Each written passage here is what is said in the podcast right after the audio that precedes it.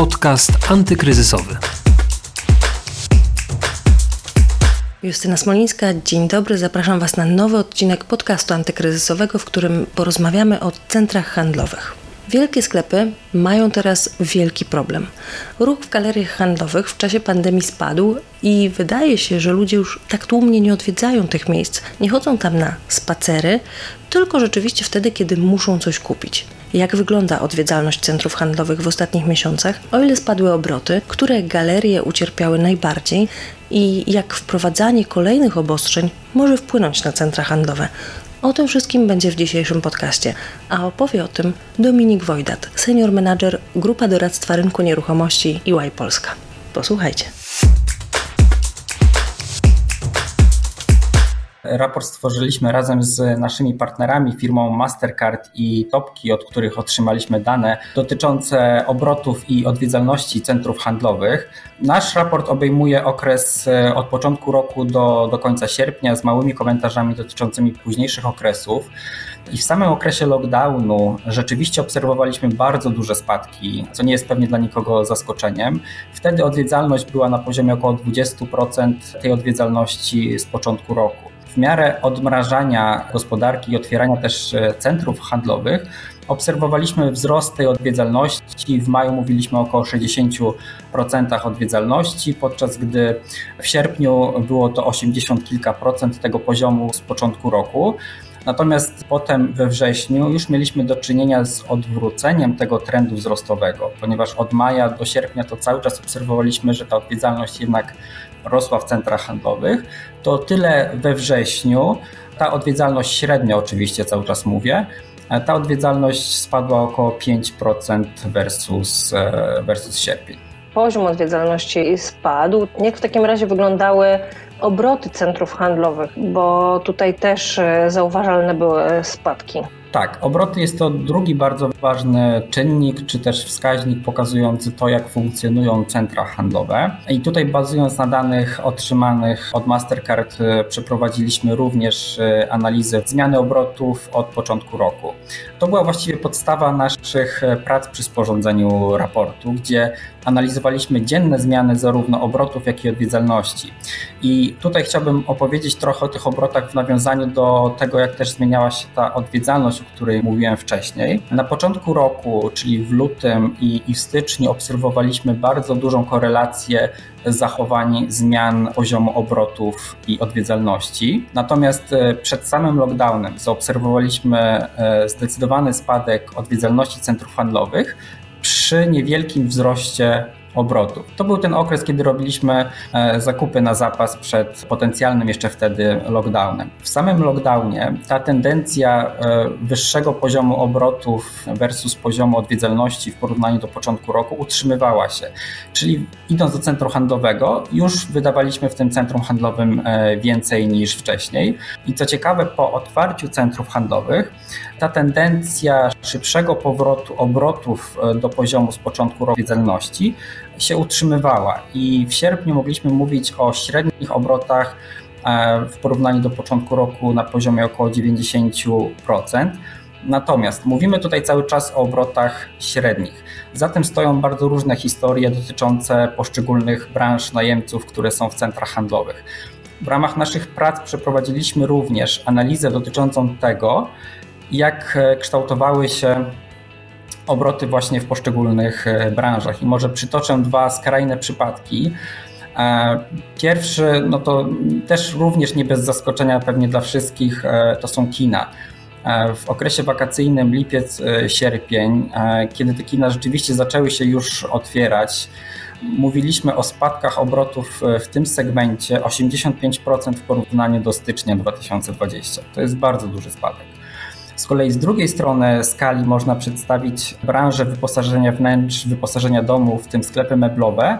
I tutaj mówiliśmy o wzrostach e, na wiosnę i w okresie wakacyjnym rzędu kilkudziesięciu procent. Jest kilka teorii za tym, z czego wynikały wzrosty akurat w tym segmencie. Jedną z nich jest to, że część wydatków, które mamy standardowo alokowane chociażby na e, na wakacje w tym, w tym roku została przesunięta na remonty czy, czy wyposażenie naszych domów czy mieszkań.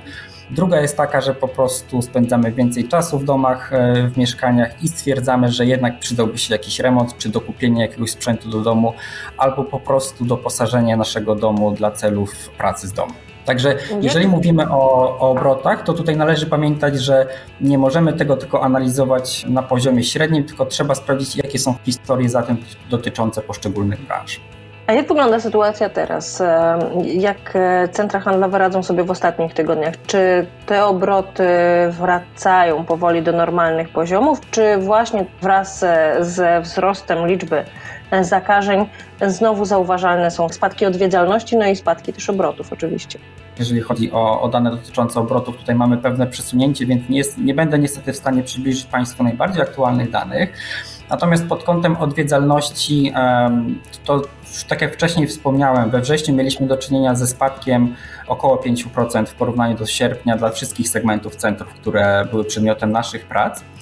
E, z kolei znowu w pierwszych dwóch tygodniach października e, mówimy o kolejnych 5% spadku średnio versus dwa pierwsze tygodnie września, czyli analogiczny okres września. Zobaczymy, jak sytuacja będzie się kształtowała w najbliższym czasie, ponieważ, e, jak wiemy, sytuacja jest bardzo dynamiczna.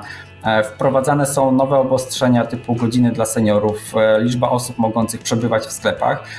Zobaczymy, czy będą wprowadzane nowe, nowe obostrzenia. Tutaj trochę prognozować pozwalają nam analizy, które przeprowadziliśmy właśnie na tym pierwszym lockdownie gdzie widzieliśmy, że rzeczywiście bardzo mocno spadła odwiedzalność centrów handlowych, ale dla funkcjonowania centrów zostało to, czy dla funkcjonowania bardziej najemców w tych centrach, zostało to trochę skompensowane przez, przez wyższe obroty. Powiedział Pan o tych nowych obostrzeniach, e, które weszły w ostatnich dniach. Czy wprowadzenie godzin dla seniorów już wpłynęło jakoś e, rzeczywiście na sytuację centrów handlowych?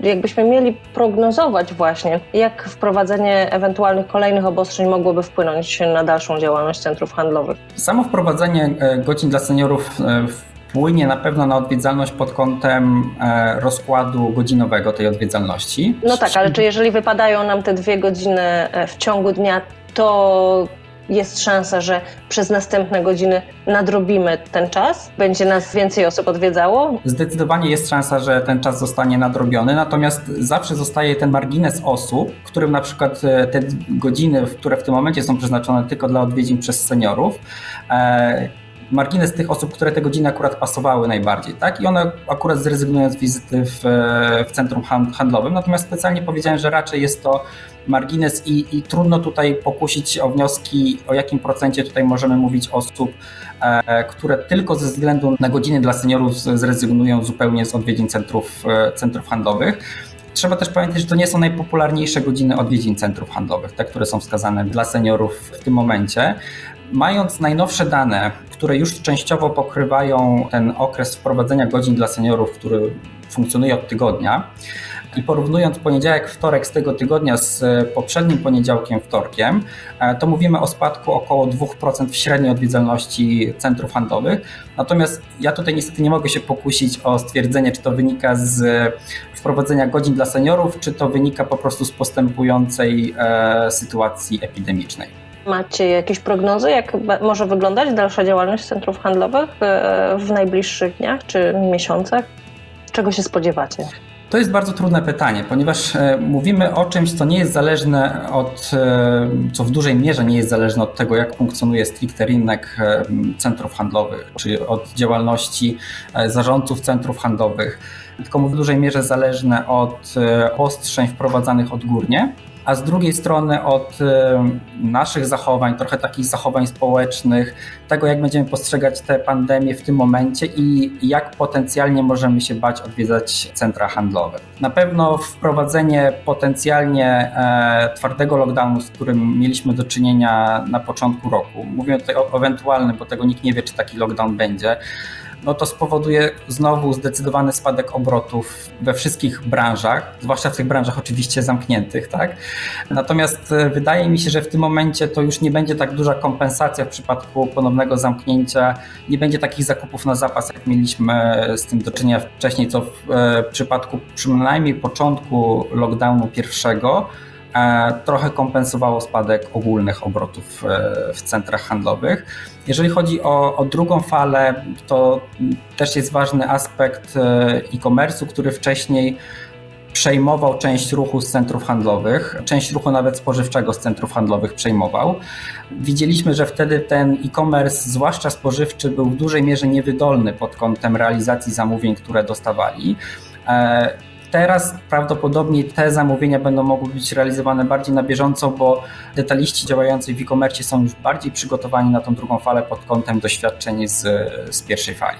Co wynika z Waszego badania? Czy nasze wizyty w centrach handlowych się zmieniły? Czy wyglądają teraz inaczej niż przed pandemią? Ile czasu spędzaliśmy, a ile czasu spędzamy w tych centrach handlowych? Bo wydaje się, że już po prostu trochę odeszliśmy od takiego spacerowania po centrach handlowych, a idziemy tam tylko wtedy, kiedy naprawdę musimy i kiedy naprawdę chcemy kupić e, konkretny produkt. Czy tak jest rzeczywiście? Co się zmieniło w tych ostatnich miesiącach? Wydaje mi się, że sam, samemu było mi to trudno e, lepiej podsumować. Rzeczywiście, w największym skrócie kupujemy po pierwsze szybciej. Jak już idziemy do centrum handlowego, to, to kupujemy więcej. Plus, jak już rzeczywiście idziemy do centrum handlowego, to raczej dokonujemy tego zakupu, czyli nie jest tak zwanego pustego footfallu. I teraz może przejdę do danych czy, czy wyników naszych analiz, z których to wynika. Pod kątem tego, że kupujemy szybciej, możemy to wywnioskować z popularności formatów typu convenience, czyli tych najmniejszych centrów handlowych, centrów e, lokalnych, gdzie jesteśmy w stanie zrobić w miarę szybkie zakupy. To są takie centra, gdzie dominuje na przykład jeden sklep spożywczy, plus jest kilka, kilka komplementarnych e, lokali handlowych po czym możemy stwierdzić, że kupujemy więcej. To są znowu te dane, o których mówiłem wcześniej, czyli dane dotyczące odwiedzalności i dane dotyczące obrotów. Odwiedzalność spadała mocniej niż same obroty, w związku z tym średnio na osobę przypadały większe obroty w, w centrach handlowych, czyli tak zwany koszyk, bo w tej mhm. obrotach na osobę to możemy mówić o, o koszyku w centrum handlowym. I ostatni wskaźnik, który analizowaliśmy, jest to liczba odwiedzających w centrach handlowych, którzy rzeczywiście dokonują zakupów. I analizowaliśmy, jak to się zmieniało na przestrzeni e, tego roku. No i oczywiście, znowu nie bez zaskoczenia, w trakcie lockdownu to ta konwersja była na najwyższym poziomie, czyli największy odsetek z nas dokonywał rzeczywiście zakupów już idąc do, do, centrów, do centrum handlowego.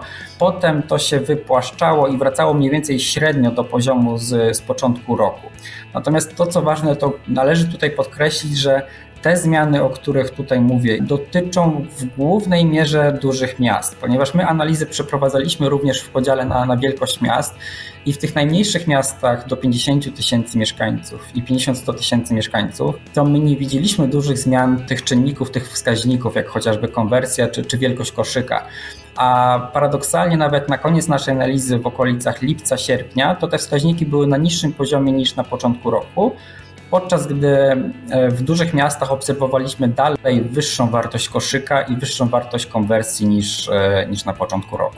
Wspomniał Pan też o rodzajach centrów handlowych, nie tylko o podziale na miasta, ale też o, o podziale na, ze względu na rodzaj centrum handlowego. Mhm. No to które centra handlowe, które galerie handlowe ucierpiały najbardziej, a które wyszły w miarę obronną ręką z tego całego pandemicznego zamieszania i kryzysu? Zdecydowanie e, najbardziej odczuły obecną sytuację centra handlowe, najbardziej zaawansowane, te centra trzeciej i czwartej generacji. Wiąże się to z tym, że tam jest duży udział komponentów e, rozrywkowych obejmujących kina czy komponentów gastronomicznych. Możemy nazwać to, że to jest ten ogólny segment spędzania wolnego czasu w galeriach handlowych. I to na pewno będzie się utrzymywało w e, najbliższym czasie. Trudno mi powiedzieć jak długo, no bo to tak jak wcześniej wspomniałem, zależy od czynników, e, od czynników trochę zewnętrznych.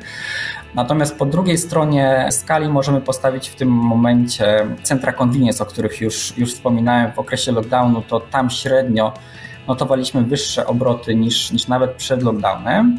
Drugim segmentem, który skorzystał na, na obecnej sytuacji, są parki handlowe, a to z kolei wynika z tego, że w, w, tym segmencie mamy często duży udział sklepów e, z wyposażeniem wnętrz, sklepów meblowych, czy sklepów typu DIY.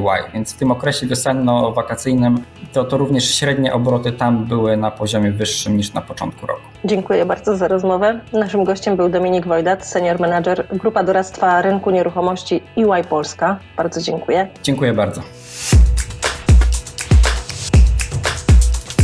W dzisiejszym odcinku to już wszystko. Już szykujemy dla Was kolejne rozmowy, a ja zapraszam Was na stronę pb.pl ukośnik antykryzysowy do wysłuchania poprzednich odcinków, jeśli jeszcze tego nie zrobiliście. Justyna Smolińska, do usłyszenia. Podcast antykryzysowy.